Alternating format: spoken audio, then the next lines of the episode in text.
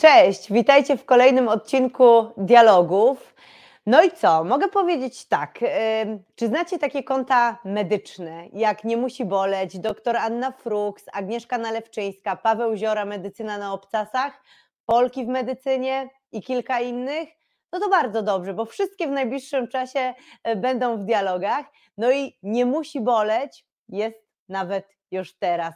Jest ze mną Anna Łotowska-Ćwiklewska, lekarka na finiszu szkolenia specjalizacyjnego z anestezjologii i intensywnej terapii, zajmująca się leczeniem bólu i medycyną paliatywną. Od pięciu lat pracuje w hospicjum domowym Fundacji Hospicjum Proroka Eliasza i dodatkowo jeszcze prowadzi własny gabinet leczenia bólu i świetne konto na Facebooku. Cześć! Cześć Aga, bardzo miło. E, zanim przejdziemy do tematu, to ja jeszcze powiem o technikaliach, ponieważ e, wielu z, i wiele z Was o to pyta. Live dialogi zawsze jest live, czyli na żywo, na Facebooku, a później na Instagramie i na mojej stronie pojawia się zapis tego live'a przemontowany do pionu albo jak tam trzeba. Więc myślę, że warto to e, wiedzieć. No i już teraz możecie zacząć pisać pytania. Ja zawsze te pytania na końcu e, ekspertce przekazuję. No właśnie, ale na jaki temat pytania? Dzisiejszy temat to leczenie paliatywne i temat ten z całą pewnością ma wyjątkowo zły PR i kojarzy się z brakiem nadziei, z bezradnością, z bezradnością medycyny nawet, z cierpieniem. Dziś będziemy próbować ustalić, na ile to jest słuszne takie e, rozumowanie. Myślę, że nie za bardzo, ale zaraz się, zaraz się dowiemy. E, I podzieliłam pytania na cztery części. Mm, I przechodzimy od razu do tej pierwszej, w której będę próbowała dowiedzieć się, czym w ogóle to leczenie paliatywne jest. Dotarłam do takiej wiadomości, że paliatus oznacza okryty płaszczem. Nie wiem, czy dobrze dotarłam. Powiedz, Aniu, proszę, co to jest leczenie paliatywne? Co to słowo w ogóle znaczy? Leczenie paliatywne, opieka paliatywna. O co tutaj chodzi? Znaczy, zdecydowanie bardzo dobrze dotarłaś do, do etymologii tego słowa, e, bo tak naprawdę w leczeniu e, paliatywnym trochę chodzi o takie e, otulenie płaszczem takiej opieki tych naszych pacjentów. E, w leczeniu paliatywnym e, trochę zmieniamy taką optykę patrzenia. Tak? Nie, nie, nie skupiamy się już na wyleczeniu z choroby, E, czy na przedłużeniu życia, tylko skupiamy się przede wszystkim na poprawie jakości życia naszych pacjentów. Tak, czyli na tym, żeby nie bolało, żeby był dobry nastrój, żeby nie było mdłości, e, żeby można było jak najdłużej wykonywać jak najwięcej z tych aktywności, które pacjent by chciał e, wykonywać, czyli uczestniczyć w życiu społecznym, w życiu rodzinnym, w życiu zawodowym często jeszcze. Także leczenie paliatywne polega mm, na tym, żeby, żeby zaopiekować tych naszych pacjentów, żeby oni po prostu, żeby jakość ich życia była jak najwyższa pomimo, mhm. no, zagrażającej życiu e, choroby, której, której doświadczają. Mhm. No właśnie, powiedziałaś o zagrażającej życiu chorobie i e, oczywiście z racji mojej historii od razu myślę na przykład o raku, ale temat na pewno jest szerszy. Powiedz proszę, komu i kiedy w ogóle ordynuje się tego typu leczenie, czyli kogo dotyczy ta opieka paliatywna? Znaczy, jak najbardziej dotyczy y, jakiejś części pacjentów onkologicznych, to, to zdecydowanie, e, ale e, oprócz pacjentów onkologicznych, to e, mamy też całą rzeszę innych pacjentów leczonych paliatywnie, czyli na przykład chociażby pacjentów ze schyłkową niewydolnością krążenia, z na przykład niewydolnością oddechową różnego pochodzenia, chociażby na przykład w przebiegu przewlekłej obturacyjnej choroby płuc, z różnymi chorobami neurodegeneracyjnymi, tak, czyli tymi związanymi z uszkodzeniami e, ośrodkowego układu nerwowego, na przykład stwardnienie rozsiane, stwardnienie zanikowe boczne. E, w niektórych przypadkach e, będą to również pacjenci, którzy rozwinęli AIDS, tak? Więc tutaj ten, ten zakres pacjentów no jest, jest, jest duży tak naprawdę i ten, ten przekrój to, to nie są tylko pacjenci onkologiczni. Bo, bo te mhm. Także mam wrażenie, że, że no ta, ta opieka paliatywna, medycyna paliatywna, e, opieka hospicyjna kojarzy się tak naprawdę tylko z pacjentami z rakiem, tak, umierającymi na raka, a tak nie jest. To, to nie tylko tacy pacjenci. Mhm. To bardzo ważne i warto o tym wiedzieć.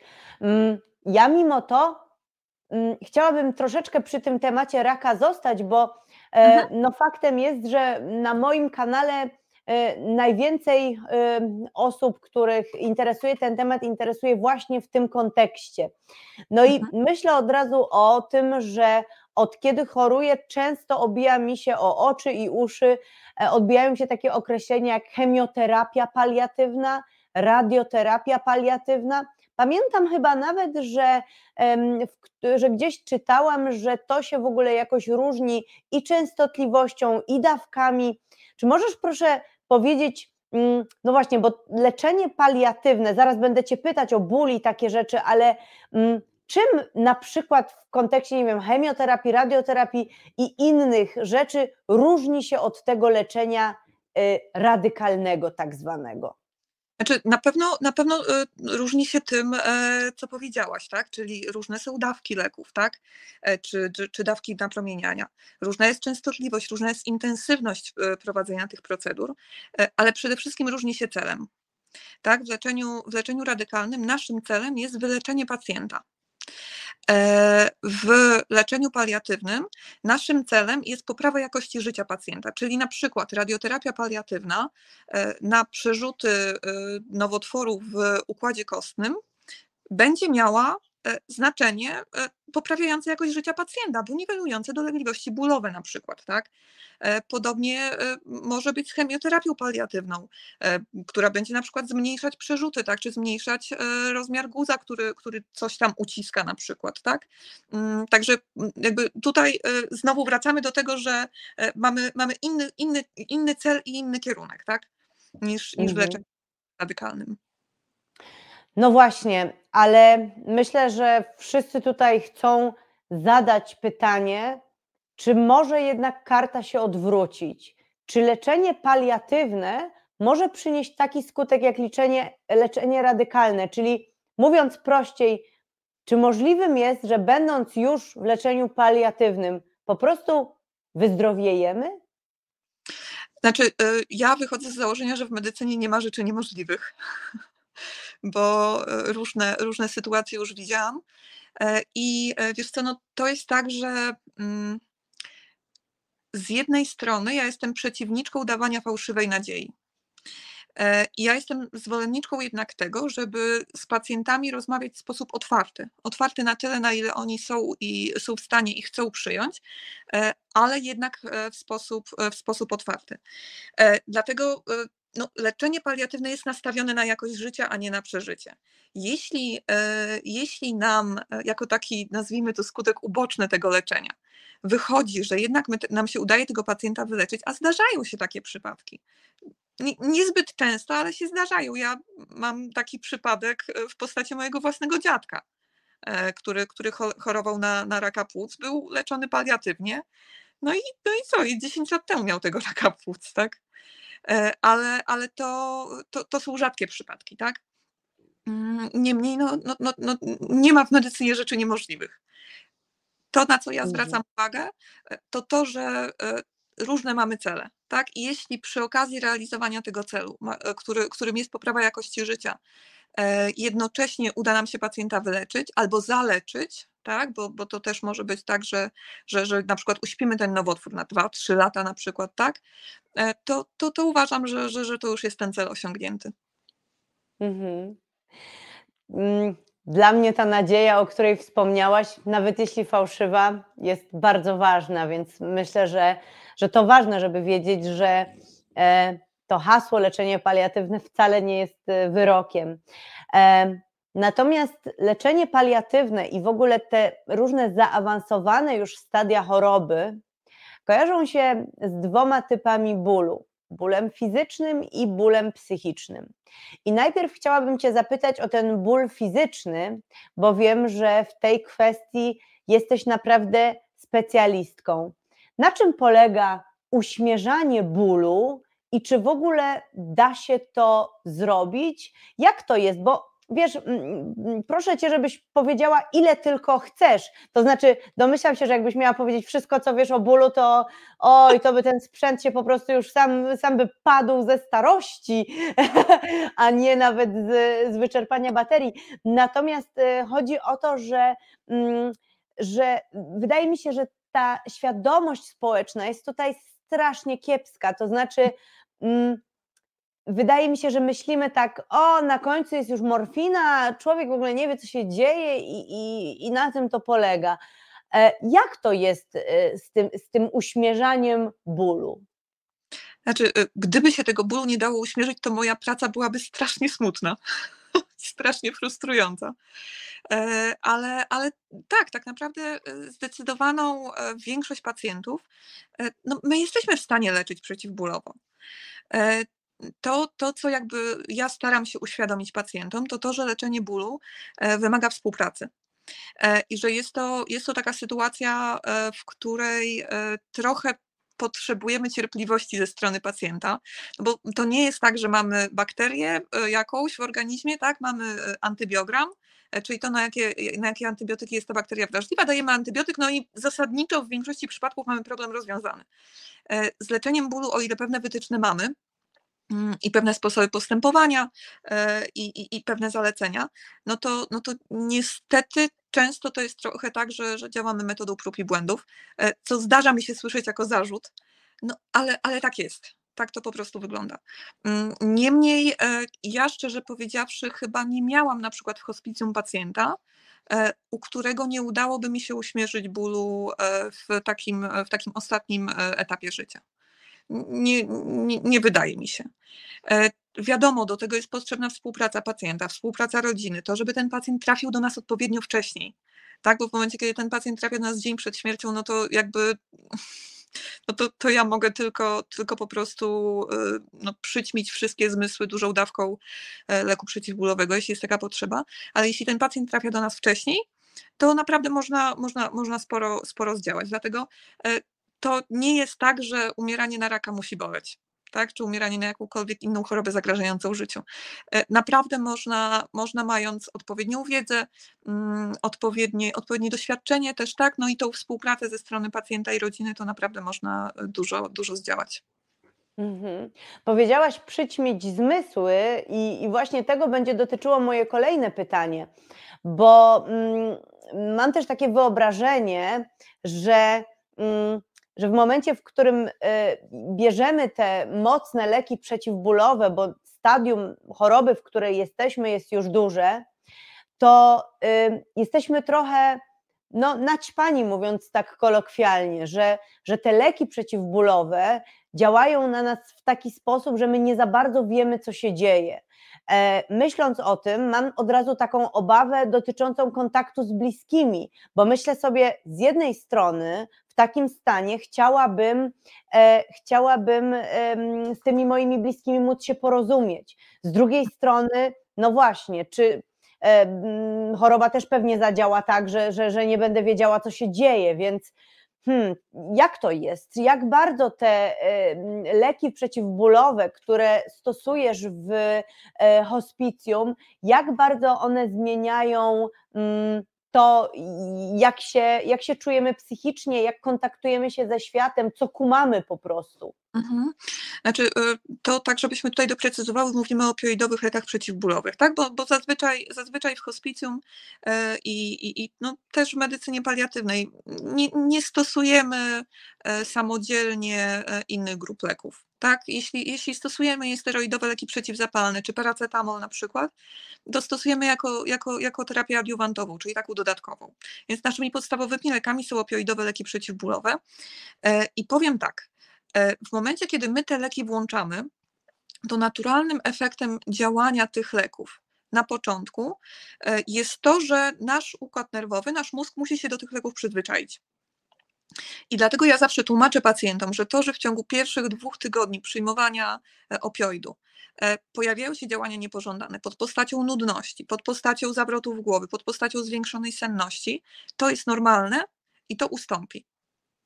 E, dlatego e, też e, to co, to, co jest dla mnie ważne, to to, żeby, żeby móc tego pacjenta leczyć odpowiednio wcześniej, żeby on się do tych leków mógł przyzwyczaić i będziemy je musieli zwiększać, to zazwyczaj robimy to stopniowo, więc, więc już pacjent później już nie ma tych, tych działań niepożądanych. Ale to absolutnie nie jest tak, że jeśli ktoś przyjmuje opioidy, to jest od razu naćpany, taki trzepnięty, jak, że, że, że po prostu nie wie, co się wokół niego dzieje, bo myślę, że dużo osób mogłoby się zdziwić, ile osób wśród nas chodzących, pracujących, żyjących e, przyjmuje opioidy na stałe, bo, bo mają e, inne choroby przebiegające z bólem. Normalnie funkcjonują w społeczeństwie, mają rodziny, e, pracują i, i, i, i, i nikt by się nie domyślił. Mhm. No jest jeszcze ten drugi ból, ból psychiczny. Wiem, że nie jesteś psycholożką, psychoonkolożką, ale podpytam Cię o te kwestie, ponieważ jako osoba pracująca w, w hospicjum i z osobami, które, um, które boli, które są chore um, i, i mająca duży, duży kontakt z tymi pacjentami paliatywnymi, ten temat, e, ten temat znasz.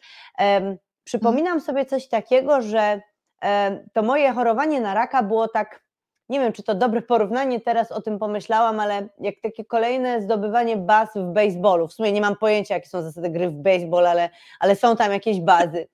I, i chodzi o to, że, że najpierw sobie tak myślałam, że jak się okaże, że mam raka, to w ogóle mm, ja nie wiem, czy ja w ogóle będę chciała podejmować leczenie, bo to nie ma żadnego sensu. Jak już ten rak się pojawił, no to chciałam się leczyć. E, pamiętam, że mając go, powiedziałam mojemu Maćkowi, że jeżeli, się, jeżeli ten rak wróci, jeżeli za rok się okaże, że mam jakieś przerzuty, to ja po prostu chyba się zabiję, bo, bo to, będzie już, to będzie już koszmar. I te przerzuty się pojawiły. I później była chemioterapia, i później mówiłam, że gdybym miała stomię, to w ogóle ja się na to nie zgodzę, bo to jest jakiś koszmar. Nie mam stomii, ale zaczynam inaczej do niej podchodzić. Znaczy jestem w remisji, ale myślę Aha. sobie, kurczę, przecież to nie jest nic strasznego absolutnie. I, e, I wiesz, i myślę sobie, jak ludzie w ogóle podchodzą do tego, że idą do hospicjum, że, że mają leczenie e, paliatywne. Jak to się, jak to jest? Znaczy, e, tutaj e, pierwszy jakby aspekt to jest to, że lekarz, który wystawia skierowanie do hospicjum, e, na nim ciąży bardzo duża odpowiedzialność e, wytłumaczenia pacjentowi, e, na czym polega opieka hospicjum. I wytłumaczenia pacjentowi, że tak naprawdę ta opieka hospicjum to będzie dla niego ulga i zdjęcie z głowy całego mnóstwa różnych trudnych rzeczy, a nie to, że wszyscy położyli już na niego kolokwialnie rzecz ujmując laskę i że jakby to już dziękujemy, do widzenia, nikt się panem, panią nie interesuje. E, no druga rzecz to jest to, że e, zawsze na pierwszej wizycie, kiedy, kiedy jadę, jadę do nowego pacjenta, e, zazwyczaj robię to z pielęgniarką, z którą będę później pacjenta odwiedzać, to my też zawsze tłumaczymy, tak, na czym polega opieka hospicjum. czyli, czyli, bo pracuję w hospicjum domowym, tak, więc, więc to my jeździmy do pacjentów, więc zawsze tłumaczymy, że to, że pacjent jest pod opieką hospicjum, to nie znaczy, że my przestajemy pacjenta leczyć tak? To, to znaczy, że zmienia się w pewnym sensie optyka, e, ale że my nie przestajemy leczyć, że nie wyłączamy leków przeciwbólowych, że nie wyłączamy leków przeciwdepresyjnych, tak? Wręcz przeciwnie. Że, że jakby te nasze działania są zintensyfikowane na to, żeby, żeby poprawić jakość życia pacjenta.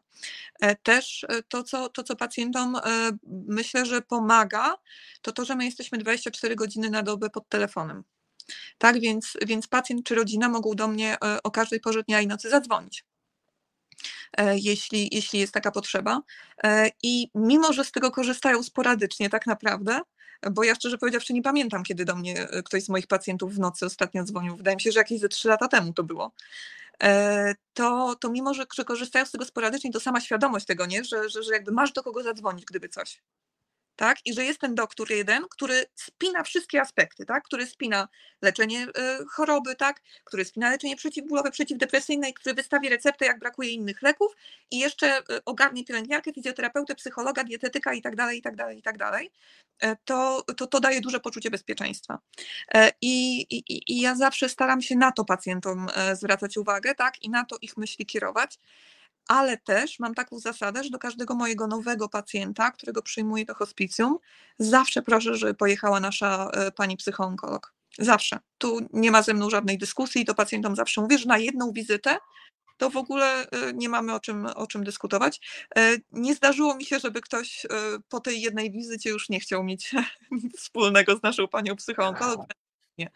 Także, także to, to też jest taka moja zasada, bo też wtedy, y, no ja wychodzę z założenia, że pracujemy w zespole, tak? E, no i ona też, też wtedy jest w stanie nam wiele rzeczy podpowiedzieć, zwrócić uwagę. E, ona różne rzeczy zauważymy, inne rzeczy zauważymy, tak? Dlatego, dlatego no, taką, taką współpracę cenię i kultywuję. Mhm.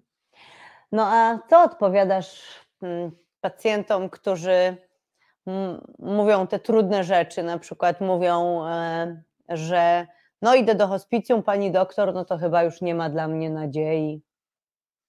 E, to ja wtedy w takich sytuacjach ja jakby mam e, dwie zasady, trzy w zasadzie. E, pierwsza to to, że zawsze staram się upewnić, że dobrze rozumiem pytanie pacjenta. I tutaj mam taką anegdotkę, to może źle powiedziane, ale taki przykład, o to może lepsze słowo. Kilka lat temu przyjęłam do hospicjum pacjenta z rakiem trzustki. E, w takim już poważnym stanie ten nowotwór się przebijał na powłoki brzuszne e, z rozsiewem i tak dalej, i tak dalej. Taki, taki pan w takim, no troszkę starszym już wieku. E, przyjechałam na pierwszą wizytę, no i tam mm, ten pan, jego córka, rozmawiamy, tam ja o różne rzeczy pytam, on mnie pyta, tak, no i w pewnym momencie on mnie pyta, jak długo on będzie musiał przyjmować te enzymy trzustkowe, które on bierze. I moja pierwsza myśl była taka, że on mnie pyta, ile on jeszcze będzie żył. A on mnie pytał, kiedy on wyzdrowieje. E, więc ja zawsze staram się e, upewnić, że ja dobrze wiem, e, jakby o co pacjentowi tak naprawdę chodzi, tak? I o co, o co pacjent mnie pyta. Więc jeśli pacjent mówi mi, tak jak teraz ty powiedziałeś, że no, nie ma już dla mnie nadziei, to ja pytam nadziei na co? Tak? Na, nadziei na co mhm. nie ma. Więc staram się doprecyzowywać. Druga rzecz to to, e, że e, staram się wyczuć na, na co, pacjent jest, e, co pacjent jest gotowy ode mnie usłyszeć. Tak, bo, bo z jednej strony zawsze mówię prawdę i nigdy pacjentów nie okłamuję, i to jest ta trzecia zasada, ale z drugiej strony tą prawdę można powiedzieć na różne sposoby. E, więc raczej podążam za pytaniami pacjentów i za tym, co, czego, czego oni dociekają, niż, niż sama wychodzę przez szereg. W zasadzie sama nie wychodzę przez szereg wcale. E, ale, ale też zawsze pacjentom mówię, że, że jeśli mnie o coś spytają, to że ja zawsze odpowiem prawdę, tak? Że ja nie będę kłamać, nie będę ubarwiać, nie będę e, owijać bawełnę, tak? Tylko, tylko powiem, jak jest. Mhm. No i jeszcze trzecia zasada? To trzy były. To trzecia to była, pierwsza była taka, że się upewniam, druga była taka, że to nasz pacjent jest gotowy, a trzecia, że zawsze mówię prawdę. Okej, okay, super, to wszystko było, tak jest. Um, teraz mam nadzieję, że, że zrobi się troszeczkę e, weselej, bo mm, słuchałam kilka dni temu nowego podcastu Rock'n'Rolla właśnie o hospicjum. Mhm. I więc idealnie, że ten podcast się ukazał. I jedna z wolontariuszek w hospicjum opowiadała tam taką um, anegdotkę, myślę, że tutaj to jest już w porządku słowo, e, o tym, że jak zaczęła być wolontariuszką w hospicjum, to miała miejsce taka sytuacja, że ona tak się tam miło poczuła, tak, tak fajnie tam było, że zaczęła jednej pani e, opowiadać o tym, co u niej słychać, o tym, jak jest jej na uczelni i tak dalej, i tak dalej. I zapomniała się i mówiła o sobie przez dłuższy czas. I w pewnym momencie, jak się zorientowała, że cały czas mówi o sobie, to powiedziała do tej pani, że bardzo ją przeprasza, ale tak się swobodnie poczuła, jakby rozmawiała z babcią i po prostu tak to tak, tak, tak zaczęła mówić. No i mm, ta pani jej odpowiedziała, że właśnie super, że właśnie po to są wolontariusze i o to chodzi, ponieważ jak przyjeżdżają do niej bliscy, to rozmawiają z nią tylko i wyłącznie o chorobie i o hospicjum. Rozmawiają z nią tylko i wyłącznie o tym, czy niczego jej nie brakuje, czy jej coś przywieźć, czy ją boli, y, jakie są nowe wyniki i tak dalej, i tak dalej, a jej po prostu brakuje normalnego życia. I mhm. na kanwie tej anegdotki chciałabym kilka pytań Ci zadać, ale przede wszystkim e, wiem już, jak, jaka jest tutaj rola pacjentów, pacjentek, wiem już, jaka jest tutaj Twoja rola i zespołu, a jaka w tym wszystkim w leczeniu paliatywnym jest rola bliskich? Ogromna. Ogromna, e, bo prawda, znaczy, prawda jest taka, że my naszą opieką obejmujemy nie tylko pacjenta, e, ale, ale jego najbliższą rodzinę tak? E, czyli to jest tak, że jeśli żona mojego pacjenta potrzebuje konsultacji psychoonkologa, to ją dostaje w ramach hospicjum. Więc rola rodziny jest bardzo duża, bo rodzina potrafi czasem pacjenta zamęczyć, tak? Na przykład taki, ten przykład, który podałaś jest bardzo trafny, tak? Bo, bo to, na co ja zawsze staram się tym rodzinom i pacjentom zwracać uwagę, to to, że jeśli mój pacjent w hospicjum, chorujący na cukrzycę, e, ma ochotę zjeść szarlotkę, to on ma sobie tą szarlotkę zjeść, a nie żona ma mu wyliczać, że on będzie miał 200 cukru. No to będzie miał, nie umrze od tego cukru. Tak? E, I to, jak rodzina do tego wszystkiego podchodzi, tak? Na ile jakby w rodzinie jest też gotowość do rozmowy. E, z jednej strony rozmowy nie tylko o chorobie, tak, ale też o, o normalnym życiu, którego przecież ten pacjent w dalszym ciągu chce być członkiem i w dalszym ciągu chce być częścią tego normalnego funkcjonowania. I w dalszym ciągu chce wiedzieć, co u żony w pracy, a u dzieci w szkole. E, to też z drugiej strony rodziny, która e, ma w sobie taką gotowość bycia partnerem do rozmowy. Tak, bo często, często to, co widzę w rodzinach na początku, kiedy obejmujemy ich swoją opieką, to, że mają problem z sytuacjami, w których e, ten nasz pacjent chce, chce jakby ustalić rzeczy ostateczne. Tak to, ja to tak nazywam. Tak, czyli, e, czyli chce na przykład powiedzieć, e, w jaki sposób ma wyglądać jego pochówek. Tak, że na przykład chciałby być skremowany. Tak, o, o tego typu rzeczach mówię. I często rodzinom zdarza się ucinać te rozmowy. Aha, czyli mówią coś w stylu, a weź Zenek, przestań, nie mów o tak. takich rzeczach, tak? Tak, że bez przesady to w ogóle o czym ty gadasz, przecież ty będziesz jeszcze żył 100 lat i jeden dzień, tak? E, no nie, bo jeśli pacjent zaczyna taką rozmowę, to znaczy, że on jej potrzebuje. E, I na to my też staramy się bardzo uczulać, uczulać rodziny naszych pacjentów i po to też e, nasza, nasza, nasza Monika, psychoonkolog, o tym rozmawia, żeby, żeby wyjaśnić im, że to są rzeczy ważne, tak? bo na to, na to no, czas jest tu i teraz tak, w tym właśnie momencie. Mm, I często, często pacjenci e, w momencie, kiedy e, nie widzą w swojej rodzinie takiej gotowości, to sami też się zamykają. Tak? I, i, i to powoduje, że, że narasta lęk, tak? narastają objawy depresyjne, tak? no bo oni wiedzą, że no coś, by jeszcze, coś mają jeszcze do załatwienia tak? z takich rzeczy, e, no ale nie mają jak tego zrobić. Tak? No, bo, no bo co, co mają zrobić, jak ta, jak, ta, jak ta żona tego Zenka nie chce, nie chce rozmawiać o tej kremacji, tak? No to no, mhm. Zenek ma zrobić, no. No go siedzieć i płakać po prostu. E, więc e, to jest bardzo istotne, tak, żeby, żeby, żeby być takim wsparciem, ale takim mądrym wsparciem, tak? Czyli ja e, lubię mówić, że e, nie traktować innych tak, jak my byśmy chcieli być traktowani, tylko tak, jak oni by chcieli być traktowani tak? Bo to są dwie różne rzeczy, nie? Jak w bajce o, o żurawiu i lisie. E, czyli, czyli każdy, każdy e, jakby powinien dostać to, czego on potrzebuje, a nie to, czego my byśmy w jego sytuacji potrzebowali. Mhm. Niesamowite, bo e, odpowiedziałaś w tym pytaniu na, na obydwa pytania związane z tą anegdotką i bardzo się z tego cieszę. E, i, I chciałabym przejść teraz do, e, do drugiej części, do której już tak naprawdę trochę, trochę ją, do, wokół niej krążymy. Chodzi o hospicjum. E, mhm. To jest słowo, które sprawia, że wielu osobom przemyka zimny dreszcz po plecach, więc myślę, że tak jak słowo rak, chemioterapia, to słowo po prostu trzeba powtarzać.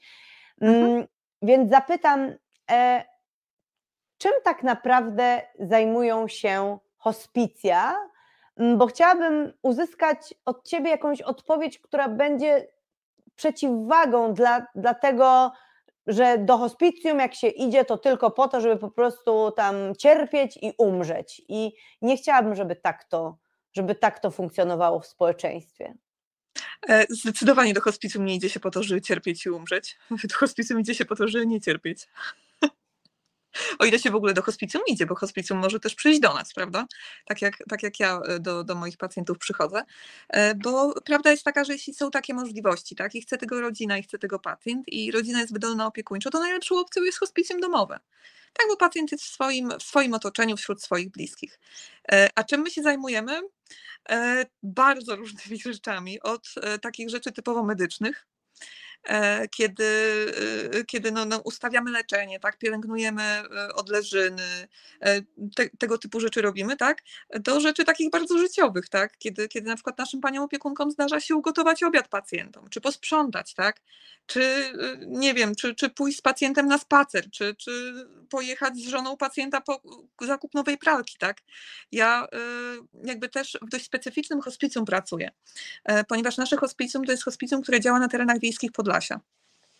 E, więc e, zdarza się wcale nierzadko, e, że my naprawdę dojeżdżamy w taką dzicz, dzicz w sensie jakby lokalizacji, że no zdarza się ciągnąć torbę lekarską na sankach, bo się samochodem nie da podjechać. Albo ostatnio z kimś rozmawiałam, no i tak rozmawialiśmy, że no teraz Google Maps to doprowadzi wszędzie.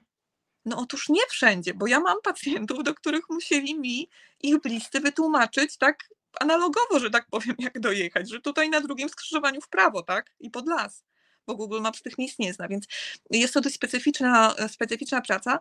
Do tego nasze hospicjum funkcjonuje nie tylko e, jakby z finansowania NFZ-u, e, ale też e, mamy fundację, tak, która, która sporą część tych aktywności finansuje i na przykład to, o czym mówię, chociażby pojechanie po, po nową pralkę, no to, to, to było finansowane z programu unijnego, który, który, który po prostu dostała fundacja pomagania pacjentom na tych terenach, na których no, autobus dojeżdża raz na dwa dni na przykład, tak? E, bo takie mhm. miejsca na Podlasiu jak najbardziej są. E, także, także zajmujemy się wszystkim, co jest związane z naszymi pacjentami i z ich sytuacją. E, już pomijając w ogóle takie rzeczy, że, że, że, po prostu jesteśmy, rozmawiamy, żartujemy, wypijemy herbatę, tak? To, to, to, też jest, to też jest bardzo ważne. Wiesz, odczułam tutaj bardzo sprzeczne emocje, bo jak powiedziałaś o tych sankach, to, to aż się tak wręcz zaśmiałam, bo pomyślałam sobie, że to takie urocze i pomocne i sobie wyobraziłam, jak ciągniecie ten sprzęt na saniach, ale jak się nad tym głębiej zastanowię, no to, to wcale nie jest takie wesołe, że mm, w ogóle to nie jest wesołe, że, że są miejsca, do których tak trudno dotrzeć i, i, i to naprawdę jest dość groźne.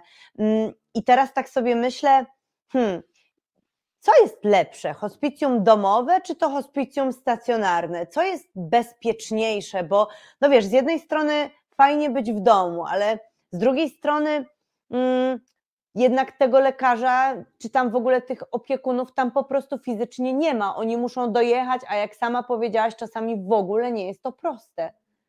Znaczy, warunkiem opieki hospicjum domowego e, jest to, że jest e, rodzina wydolna opiekuńczo. Tak? Czyli mhm. nie może być tak, że nasz pacjent, na przykład umierający na raka leżący, jest zupełnie sam to jest pacjent, który nie może być objęty opieką hospicjum domowego. Ale jeśli e, ta rodzina jest wydolna opiekuńczo i jeśli pacjent chce być w domu, to zawsze to bycie w domu jest lepsze. Bo prawda jest taka, że e, wiesz, no ja tak naprawdę nie do końca wiem, po co ja miałabym być cały czas z pacjentami. Tak? No jakby co miałabym zrobić? E, zdecydowaną większość rzeczy jesteśmy w stanie załatwić na telefon, takich nagłych rzeczy, tak? Bo powiem, że na przykład to podajcie to, albo podajcie tamto, albo zróbcie to i tamto, tak? Albo na spokojnie usiądźcie i po prostu pobądźcie razem. E, a jakby moja obecność e, nie za wiele tutaj zmieni, tak? Te wszystkie rzeczy związane z poprawianiem jakości życia, to są rzeczy, które naprawdę znając swoich pacjentów, my jesteśmy w stanie bez problemu zaordynować na telefon. Mm, I tak naprawdę hospicjum e, stacjonarne jest dla tych pacjentów, którymi, e, którzy albo nie chcą być w domu, bo mała część, ale tacy pacjenci również są, którzy nie chcą umierać w domu, e, albo dla pacjentów, którymi nie ma się po prostu kto zająć fizycznie. Mhm. No, jeśli chodzi o hospicjum domowe, no to w takim razie sprawa jest jasna. Jest rodzina, jak powiedziałaś, wydolna opiekuńczo, czyli jest ktoś bliski, kto jest w stanie e, podać herbatę, podać leki, pomóc się umyć e, i tak dalej, i tak dalej. A jak wygląda takie hospicjum stacjonarne? Czy to jest raczej dom spokojnej starości, gdzie ludzie sobie chodzą i jak mają siłę, to grają w karty, czy raczej to wygląda jak szpital, gdzie wszyscy leżą w łóżkach i są w dość kiepskim stanie? Zdecydowanie raczej to pierwsze. E, zdecydowanie, zdecydowanie, zdecydowanie to pierwsze. E, te hospicja, które ja znam, tak, bo ja, ja pracuję tylko i wyłącznie w hospicjum domowym, e, bo nasze hospicjum stacjonarne już prawie stoi, ale jeszcze nie do końca. E, więc wszystkie hospicja stacjonarne, które znam, e, polegają na tym, że e, pacjenci tych, tych hospicjów mają organizowane różne aktywności, tak? Oglądają filmy, grają w karty, grają w planszówki, wychodzą na spacer, wychodzą do ogrodu, spędzają czas z wolontariuszami, ze swoimi rodzinami, tak? Więc to, to zdecydowanie nie jak szpital. To, to jakby nowoczesne, no, nowoczesna opieka paliatywna tak nie wygląda tak? To, to, to mhm. tędy droga. Tak, raczej, raczej chodzi o to, żeby stworzyć tym pacjentom e, no, komfortowe warunki. Tak? No, dla mało kogo szpital jest komfortowy. Raczej e, komfortowe są takie warunki, które, które imitują środowisko domowe po prostu. Dlatego też, też e, bardzo często te sale w hospicjach wyglądają zupełnie inaczej. Tak? Nie są takie, nazwijmy to, sterylne jak, jak szpitalne. Dlatego w hospicjach są świetlice. Dlatego bardzo często są ogrody wokół hospicjów. Tak? Po, to, po to właśnie, żeby, żeby, żeby jednak ten, ten czas pacjenta pacjentom umilić, e, bo to otoczenie jest też również e, istotnym aspektem e, mającym wpływ na jakość życia tych pacjentów. Wow, to naprawdę niesamowite. I tutaj przypomniało mi się jeszcze jeden, jedna mm, przeurocza rzecz z tego podcastu Rock'n'Rolla. Mhm. Tam jedna z pań opowiadała o tym, że mieli na przykład pana w hospicjum, który całe życie spawał. I on, mhm. jak już był w bardzo złym stanie, to nie miał ochoty, e, tak jak się myśli, wiesz, na podstawie tych hollywoodzkich filmów stereotypowo jechać dookoła świata, czy skoczyć na bungee, czy coś takiego, tylko ten pan chciał sobie po prostu jeszcze coś zespawać. Mhm. Tak jak robił to no, całe swoje życie, zanim był emerytem. No i mhm. ta pani mówiła w podcaście, że mm, to było bardzo łatwe do załatwienia, że tak jakby on miał wszystkie tam potrzebne jakieś uprawnienia i w ogóle jeszcze się śmiała, że w hospicjum zawsze jest coś do naprawienia, więc już w ogóle idealnie. No i, e, no i po prostu załatwili mu tam ten zestaw, e, jakkolwiek, e, jakkolwiek to jest. Na spawaniu znam się tak jak na baseballu, więc nie będę szła w tę w stronę. I, I pan sobie pospawał. I wiesz, zastanawiam się, no bo właśnie, mm, mm, ja jestem wielką przeciwniczką tego takiego myślenia, że wiadomość o, nie wiem, terminalnej chorobie to jest, to jest zasadniczo e, pół roku na to, żeby spełnić swoje wszystkie największe marzenia. Właśnie to bucket list. Ale z drugiej strony, jak usłyszałam tę historię, to, to sobie myślę, jejku, jak, tak się da, więc powiedz mi, czy, czy rzeczywiście w ramach tego hospicjum masz takie historie? Ludzie chcą jeszcze przed śmiercią wrócić do czegoś, co cię, co cię zaskakuje, czy, czy są skupieni raczej na, e, na, na dniu bieżącym, tak bez, bez szału? E, wiesz, ty ja, ja zawsze, e, jak dostaję nowego pacjenta w hospicjum, to, to, to zawsze zaczynam od takiego zapytania, jakby czego pacjent od naszej opieki oczekuje, co on by chciał od nas. Tak? E, I miałam takiego pana, który, e, pan, pana pacjenta z rakiem nerki, z przerzutami do płuc, e, do, do układu kostnego. I on mi wtedy powiedział, że on by chciał pojechać na ryby. Tylko, że on w tym momencie ma takie mdłości i go tak boli i tak się źle czuje, że on na te ryby nie da rady pojechać. I czy moglibyśmy zrobić tak, żeby on na te ryby jednak pojechał? Pojechał. O rany, mogłam nie zadawać tego pytania, bo już tutaj ledwo się trzymam. Tak. Przechodzimy do części trzeciej. Wiem też, że są już trzy pytania na czacie. Mhm. E, I proszę zadawać jeszcze więcej pytań, bo spokojnie, te części nie są wszystkie takiej samej długości. Ale tej teraz jestem bardzo ciekawa, bo chciałabym Ciebie, Aniu, podpytać trochę o Twoją pracę. Bardzo dużo już nam opowiedziałaś, ale prowadzisz konto na Instagramie, pracujesz w hospicjum, jeszcze w hospicjum domowym, ale dodatkowo jeszcze buduje się hospicjum stacjonarne, jeszcze masz swój e, gabinet i chciałam e, Cię zapytać, jak w takim razie wygląda Twój dzień? Jak to wszystko godzisz i, i jak wygląda dzień takiej lekarki od bólu, pracownicy hospicjum i jeszcze osoby prowadzącej konto na Instagramie, gdzie pewnie pytań jest mnóstwo od obserwujących. Mhm. Znaczy wiesz co, ja się zawsze śmieję, że y, ja mam dobrą organizację, organizację czasu, bo ja oprócz tego jeszcze w szpitalu pracuję. O, no pewnie, oczywiście. Co jest zasadzie podstawową pracą, e, więc jeszcze pracuję w szpitalu. E, ale no ja się śmieję, że ja mam dobrą organizację czasu, tak? Ja jakby jestem w stanie sobie e, rozpisać zadania do załatwienia, tak? To, co mam zorganizować i sobie odkreślam. Skreślam sobie w notatniku różne rzeczy. Robię tak samo. No inaczej to ja bym nie była w stanie w ogóle funkcjonować. E, ale wiesz co, e, powiem tak, no, jeśli chodzi e, no, w mojej pracy jakby takiej podstawowej, tak, czyli w szpitalu jestem, jestem w zasadzie codziennie. W gabinecie jestem dwa dni w tygodniu. U każdego z moich pacjentów jestem co najmniej dwa razy w miesiącu. No, w międzyczasie odbieram telefony, odpisuję na SMS-y, bo, bo moi pacjenci z gabinetu również mają do mnie kontakt, bo, bo ja wychodzę z założenia, że no, nie da się leczyć adekwatnie bólu kiedy, kiedy tego kontaktu po prostu na bieżąco nie ma szczególnie przy ustalaniu leczenia. E, więc no, jestem z pacjentami w kontakcie e, w zasadzie cały czas na tyle, na, tyle na, na, ile oni tego potrzebują. E, no i jakoś staram się to łatać po prostu tak, żeby, żeby jeszcze mieć czas gdzieś tam na, na siebie i na, na złapanie oddechu i na przewietrzenie głowy, bo, bo w pewnym momencie uświadomiłam sobie, że to jest bardzo ważne e, i, i bez tego to dopiero można popłynąć. E, także, także staram się, się jakoś to wszystko wypośrodkować. Póki co idzie mi całkiem nieźle. Mhm. No i w takim razie jeszcze zapytam Cię o jedną rzecz. Mhm.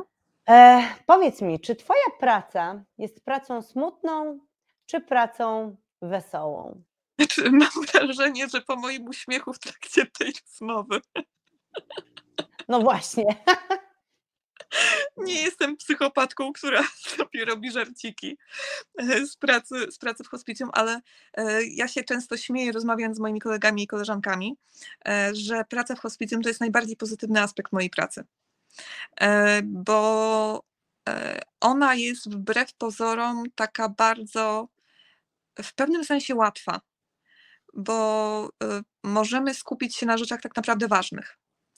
Bo prawda jest taka, że w hospicjum nikt ode mnie nie oczekuje, że ja wyleczę tego pacjenta. Oczekują pacjenci ode mnie właśnie takich rzeczy, tak? Pojechania na ryby, tego, żeby nie bolało, tego, czy mogą zjeść sobie kawałek ciasta, tak? Tego, czy mogą się napić wina do kolacji z żoną na przykład, tak? E, więc oczekują ode mnie rzeczy prostych e, i w większości rzeczy, z którymi ja jestem sobie w stanie jako lekarz e, po prostu poradzić. Dlatego dla mnie, ta praca to jest naprawdę bardzo duże źródło takiego spełnienia zawodowego i, i, i takiego też jako człowiek tak, odnajduje się w niej świetnie, chociaż szczerze powiedziawszy, jak mieliśmy w hospicjum taki okres, że szukaliśmy jeszcze jednego lekarza do naszego zespołu, w tym momencie jest nas czworo, było nas troje, to kiedy proponowałam jakby różnym moim kolegom i koleżankom, że, że słuchajcie, no tutaj fajna praca, fajny zespół, jest miło, przyjemnie, że może byście dołączyli, a gdzie? A no w hospicjum, to po prostu patrzyli na mnie jak na wariatkę, że w ogóle o czym ona gada, że jaka przyjemna praca, przecież tam ludzie umierają. Mhm. Bardzo się cieszę, że tak oswajamy to leczenie paliatywne i myślę, że już jesteśmy gotowe na to, żeby przejść do ostatniej części przed naszymi pytaniami, których jest już cztery. Chciałabym zapytać o, mm, o to, co, co tak jak powiedziałaś, no, spotyka tych pacjentów w hospicjum, czyli, czyli o śmierć. Mm, Nie przede wszystkim, przede wszystkim chciałam. pacjentów z hospicjum. Proszę? Mówię, że nie wszyscy pacjenci w hospicjum umierają. Zdarza mi się wypisywać pacjentów w hospicjum, bo tak jest bo... z nimi Zostali tak- wyleczeni, tak? Znaczy niekoniecznie nawet wyleczeni. Czasami po prostu ta ich choroba na tyle jakby stanęła w miejscu e, i pacjentów na tyle, że tak powiem, postawiliśmy na nogi, że w zasadzie no to nie do końca polega to na tym, żebyśmy jeździły pielęgniarka dwa razy w tygodniu, a ja dwa razy w miesiącu napić się herbaty w miłym towarzystwie, tak? To możemy Mhm. zrobić bez finansowania z NFZ-u. Więc e, nie wszyscy pacjenci w hospicjum umierają. To jest w ogóle przecudowna wiadomość i myślę, że, że choć ją tak jakby wtrąciłaś, to nie wiem, czy to nie jest najważniejsze zdanie, na które też y, czeka, czekają osoby, które nas teraz oglądają. Mm, e, natomiast jednak gro tych pacjentów umiera w hospicjum albo i poza nim, ale ty wiesz, jak to się dzieje. Mhm. No i przede wszystkim chciałabym Cię zapytać, czy taka śmierć rzeczywiście jest, jest bardzo straszna? Czy to, co, e, czy, czy ci pacjenci w hospicjum już są dzięki Waszej pomocy na to w jakiś sposób przygotowani, czy jednak, czy jednak to jest miejsce naprawdę dramatów, jeśli chodzi o śmierć? Wiesz co, e, ogólnie mm, jeśli wszystko się dzieje tak, jak powinno, i tak jak, i, i mówiąc tak, jak powinno, mam na myśli to, że pacjent nie trafia do nas ten dzień czy dwa przed śmiercią, e, i, a, a wcześniej na przykład, nie wiem, nikt z nim nie rozmawiał o tym, że, że, że, że ma chorobę, która, e, o, lampka mi umarła. No, dobra. Widzimy Cię, widzimy Cię. E, jakby nikt wcześniej z nimi o tym nie rozmawiał, e, to, e, to, to potencjalnie może być, może być dramat. Ale nasza opieka jest po to, żeby ten temat uswoić. Tak? I żeby, żeby tak naprawdę zrobić to najmniej dotkliwym dla pacjenta, jak tylko się da. Dla pacjenta i jego rodziny w zasadzie, tak? No bo, bo tutaj mówimy, mówimy nie tylko o pacjencie. Szczerze powiedziawszy, mm, no powiem tak, e, szczerze mówiąc, zdarza nam się w zespole, że czasem łza pocieknie, jak któryś z naszych pacjentów odchodzi, szczególnie jeśli są to pacjenci, e, którzy byli pod naszą opieką, nie wiem, 3 czy 4 lata na przykład, tak? bo, bo i takich pacjentów e, zda, zdarza nam się mieć. Więc zdarza się, że ta, że ta, że ta łza pocieknie, ale zazwyczaj ona jest połączona z tym, że mamy poczucie takiego dobrze spełnionego obowiązku i takiej dobrze wykonanej roboty jednak, tak? Że, że to wszystko wyszło tak, jak powinno. Że udało nam się i w rozmowach z pacjentem, i w rozmowach z jego rodziną e, oswoić sytuację na tyle, że w tym momencie e, tego, tego odchodzenia, tak, w tym ostatecznym momencie, e, było miejsce na rzeczy tak naprawdę ważne. Tak? Bo, bo w, w tym momencie ważne jest tylko jedno, jest, bycie, jest ważne bycie blisko siebie tak? I, i, i bycie razem, a nie, e, nie wiem, dzwonienie po pogotowie, czy, czy szukanie, e, nie wiem, numeru telefonu do lekarza i tak dalej, i tak dalej, tak? E, Po to staramy się ten temat oswoić i po to staramy się o tym rozmawiać i to przepracowywać z pacjentami, tak? I tutaj ogromna robota naszej, naszej, naszej psychoonkolożki, żeby, żeby, żeby to nie było traumą po prostu dla tych, dla tych naszych umierających pacjentów. E, Przy tych ciężkich chorobach ta, ten sam moment śmierci i to, co przed nią, to nie jest takie po prostu zamknięcie oczu i zaśnięcie, prawda? E, Wiesz co, zdarza się. Zdarza się, czemu nie? By, bywa, Mhm. że i tak jest, tak. Bywa, że się pacjenci po prostu rano na przykład nie budzą. Jak najbardziej to się zdarza.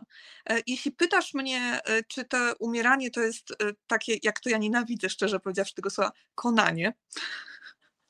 Mam e, alergię na to, na to, na to określenie. e, To, to najczęściej nie. W zdecydowanej większości przypadków nie. E, Mhm. Bo prawda jest taka, że ci nasi pacjenci są na tyle dobrze zaopiekowani i, i też rodziny wiedzą, co robić. Tak? Czyli wiedzą, że na przykład gdyby pojawiła się duszność, to można zrobić nebulizację z morfiną, na przykład. Tak? Co, co jakby no, jest poza takim stosowaniem w takim, w takim normalnym świecie, nazwijmy to, tak? Czyli jak ktoś trafia z dusznością na sol, to nie dostaje nebulizacji z morfiny, tylko, tylko się szuka przyczyny. E, Ale jeśli to jest pacjent nowotworowy, który e, jest, jest w stanie terminalnym, e, to, to tak, to podaje mu się nebulizację z morfiny, tak? E, która, która sprawia, że, że, że najzwyczajniej w świecie ta duszność, e, duszność ustępuje i, i te dolegliwości ustępują i te zmysły troszkę się przytępiają, tak? sprawiając, że to wszystko staje się znośniejsze i że to wszystko staje się bardziej, bardziej takie ludzkie, tak? Mhm. Aniu, ostatnie pytanie przed pytaniami od naszych widzek i widzów. Nie miałam e, tutaj odniesienia do szarlotki, ale odgapię je od ciebie, bo powiedziałaś tutaj o szarlotce i tej cukrzycy, a moje pytanie, ja nie miałam jako przykładu szarlotki, tylko McDonalda, ale nie wiem, obojętne. Chodzi mi o to, że z jednej strony właśnie myślę sobie o tym, że w takich, w takich stadiach mm, bardzo już zaawansowanych różnych chorób, e, będąc w hospicjum domowym czy też niedomowym, no to ważne jest to, żeby jednak być jak najzdrowszym, żeby nie pogarszać tych objawów i w ogóle. E, nie mówię tutaj o takich wyjściach na ryby, ale wiesz, może na przykład ktoś by powiedział, kurczę, a ja to bym chciał, nie wiem, whisky się napić, chociaż może alkohol to nie jest najlepsze, najlepsza tutaj rzecz, ale na przykład chciałbym zjeść porządny zestaw z McDonalda, albo no wiesz, czy, czy to jest tak, że te takie, nie mówię tutaj oczywiście, że chciałbym mieć niezdrowy zestaw McDonalda trzy razy dziennie przez następne pół roku, tak, ale czy, czy pozwalacie, e, przymykacie czasem oko na takie jakieś niezdrowe zachcianki, myśląc sobie, ok, ta osoba i tak prawdopodobnie już tego nie zazna, więc, więc pozwólmy, czy jednak jest to wbrew, nie wiem, procedurom i, i w ogóle nie? Znaczy, ja przede wszystkim nie wiem, gdzie widzisz problem w napiciu się whisky, bo ja nie widzę zasadniczo. Ja w sumie też nie widzę. To ja absolutnie nie. E, powiem Ale myślałam, tak. wiesz, o tych lekach przeciwbólowych, że to nie można łączyć, czy coś tam, to miałam no, na myśli. E, na szczęście nasi pacjenci mają już taką tolerancję na leki opioidowe, że jak się napiją szklaneczkę whisky, to naprawdę żadna tragedia im się nie dzieje. Po prostu. E, mhm. powiem Ci tak. Mm, ja trochę patrzę na to nie do końca tak, że e, trzeba pacjentowi pozwolić, bo on już tego nie zazna, tylko patrzę na to raczej pod kątem jakości życia. Że jeśli to jest coś, co ma pacjentowi sprawić przyjemność, i ma e, sprawić, że on się na chwilę oderwie, że on e, poprawi mu się humor, tak? że to będzie jakiś przyczynek na przykład do spędzenia czasu z bliskimi. Jak inny z moich pacjentów, który trafił do nas w trakcie rozgrywek tam Ligi Mistrzów, czy jakiegoś tam innego takiego. Ja się akurat na tym się zdam też jak na, ty na baseballu, więc... Następny live robimy, słuchaj, o Lidze Mistrzów, baseballu i, i co to tam jeszcze było? I... Tak, Super. E, więc no coś tam było ważnego grane na e, trawie z dwoma bramkami. E, no i pacjent mi tak opowiadał, że no, że on tak zawsze, zawsze to, to, to tam z synami oglądali, że tam sobie piwko pili, pizzy jedli i w ogóle. I, i jakby mówił to z takim żalem. Ja mu wtedy mówię, że no, panie Antoni, a w czym jest problem teraz?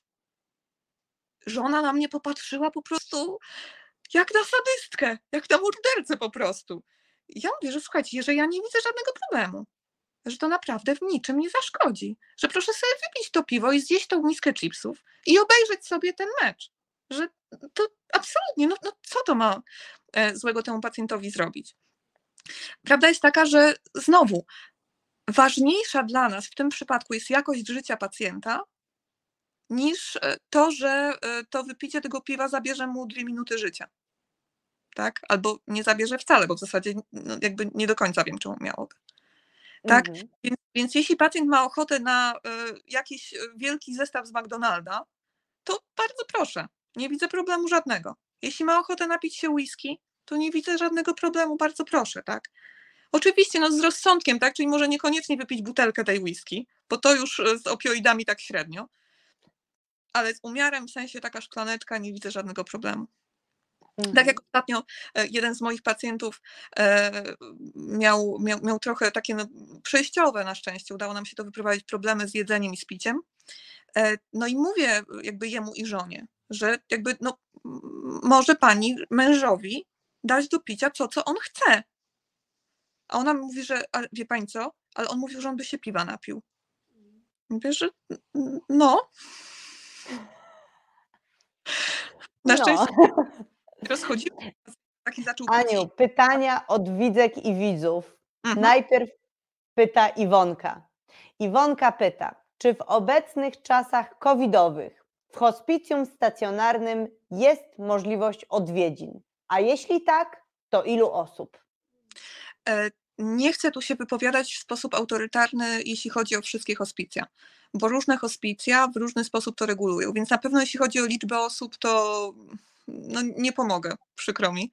E, w tych hospicjach, które ja znam od środka, to tak jak najbardziej odwiedziny są możliwe, e, ale zaszczepionych członków rodzin tak? Czyli, czyli zaszczepieni członkowie rodzin i wtedy e, jak najbardziej, jak najbardziej to jest możliwe. Ale e, mówię, nie chcę tutaj się wypowiadać za wszystkie hospicja, bo prawda jest taka, że e, no, te zasady mogą się różnić pomiędzy poszczególnymi placówkami.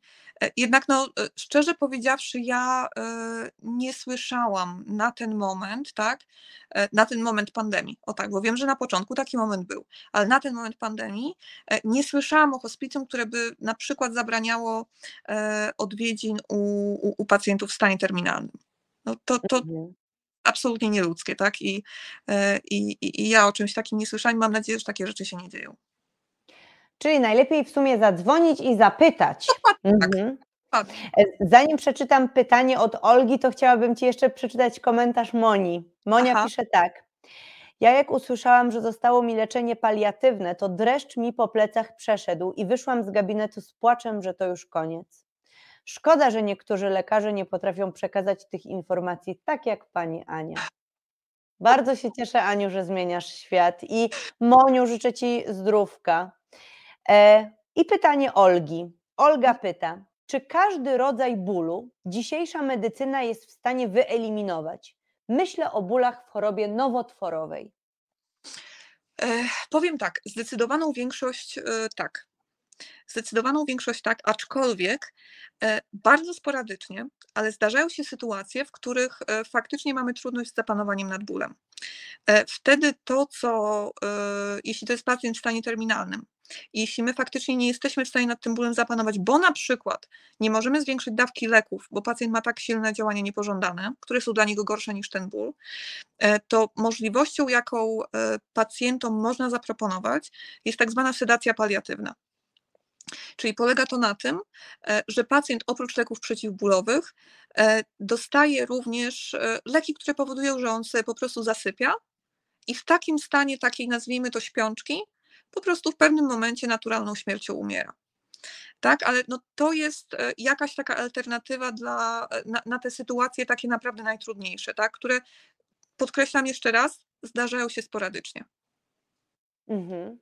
E, no to odpowiedziałaś też chyba na drugie pytanie Olgi, e, bo to było pytanie, czy wprowadza się właśnie w ten stan sedacji, mhm. jeśli, jeśli ból jest nie do ogarnięcia. No to zostały nam dwa, a mamy jeszcze te pięć minut, więc myślę, że damy radę. E, pytanie od Iwonki. Czy odchodzenie, śmierć jest dla pacjenta świadome? Czy ostatnie chwile są jednak pełnej nieświadomości? Bardzo ważne pytanie. To zależy.